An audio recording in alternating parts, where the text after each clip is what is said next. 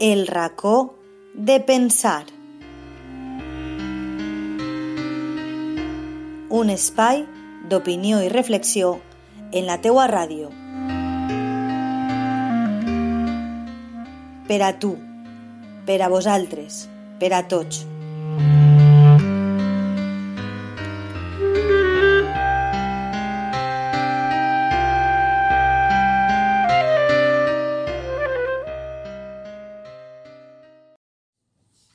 Buenos días amigos y amigas de este Rincón de Pensar. Soy Luis Barberá y voy a empezar este artículo con una pregunta. ¿Conoce alguien el nombre del defensor del pueblo? Ojo, no vale consultar Internet. Estoy completamente seguro de que sobre 10 encuestados, como máximo uno, pudiera conocer el nombre. El resto casi seguro que no. ¿Y eso es malo? Podríamos preguntarnos. Pues hay un refrán que dice que lo mejor es pasar desapercibido, pero jolín, este no debiera ser el caso. Hablamos del defensor del pueblo español. Pues bien, tras consultarlo yo mismo en Internet, compruebo que su nombre es Francisco Fernández Marugán y me ha venido de inmediato a mi memoria las características físicas del individuo, pues su nombre y rostro me eran conocidos de joven por ser uno de los primeros destacados socialistas andaluces incondicionales de Alfonso Guerra, inconfundible con aquella barba Fidel Castro. Tras comprobar su rostro de ahora con el de su primera época política, hay que reconocer que no ha cambiado mucho. Su fisonomía, salvo la barba más cana y cortadita, es la misma y es que con los años se pierde la fuerza, pero nos queda la afición. Bueno, pues Paco para los amigos es el defensor del pueblo español, no confundamos con el resto de defensores de las distintas autonomías, está ahí desde el año 2017 en que fue nombrado como es por como mínimo las tres quintas partes del Congreso de Diputados y del Senado, y está para un periodo de cinco años, que es el tiempo máximo en que un defensor puede estar en dicho cargo. Para quien desconozca la labor de tal puesto, hemos de explicar que el defensor del pueblo español es el encargado de defender, valga la redundancia, los derechos fundamentales y las libertades públicas, supervisando la actividad de las administraciones españolas. Debe ser independiente e imparcial, autónomo y con criterio propio, amén de ser inviolable e inmune durante el ejercicio de su cargo. Y lo que a mí más me interesa es que no hace falta que nadie vaya a él con quejas, sino que puede intervenir de oficio aunque no haya recibido tales quejas. Y aquí está el quid de la cuestión.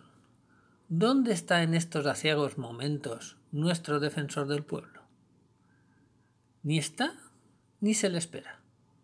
El defensor del pueblo, que debiera ser una mosca cojonera, no se le ve por ninguna parte. No molesta a nadie.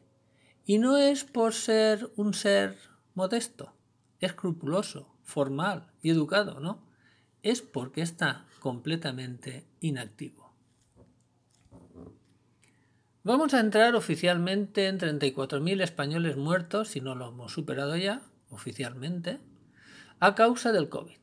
Y lo único que ha salido del defensor y que lo dijo al principio de la pandemia fue 1. Mantengamos la calma. 2. Sigan escrupulosamente las instrucciones de las autoridades. Les recuerdo, por ejemplo, que no hacía falta usar mascarillas y ahora hay que usarlas, incluso caminando solito por la calle y sin nadie alrededor en kilómetros. Les recuerdo que había un gobierno asesorado por expertos que no han existido nunca, etcétera, etcétera y etcétera. Y por tercero nos puso un plan de contingencia y conciliación que si lo lees te da la risa. Y me pregunto, ¿esto es un defensor del pueblo? Y mi lamento no es sobre la pandemia actual, abarca otras inacciones como el uso de los idiomas en otras comunidades, la sanidad que vamos a peor y sin freno, o incluso las prebendas de los políticos de los que esta figura forma parte por desgracia. Ojo, lo mismo vale para el resto de defensores de las distintas autonomías. Yo creo que el pueblo español en general no quiere Guillermo Tells que se jueguen la vida de sus hijos horadando con una flecha la manzana que pende en su cabeza, que va. Pero sí necesitamos con urgencia personajes que velen por nuestra salud, por nuestra economía y por tantas otras cosas. Y una es el defensor del pueblo, que solo por la ética intrínseca a ese puesto debería ser una de las personas más reconocidas del país.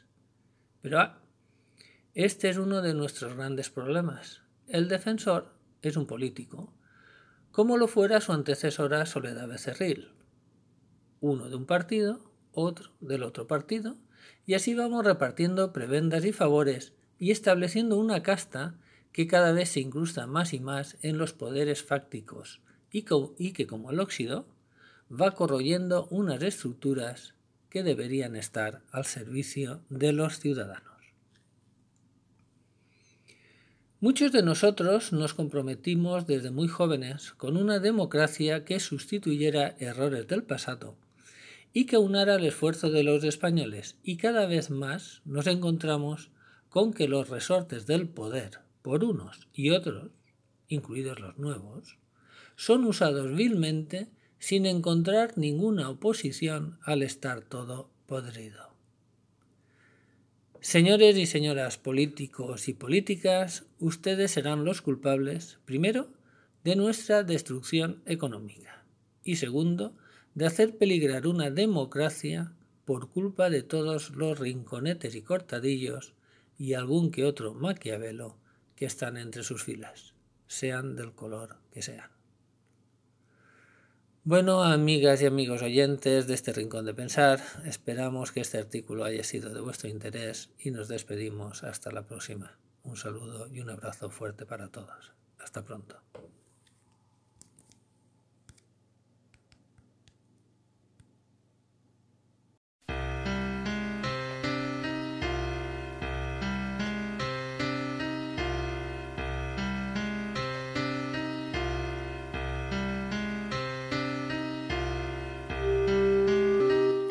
El racó de pensar.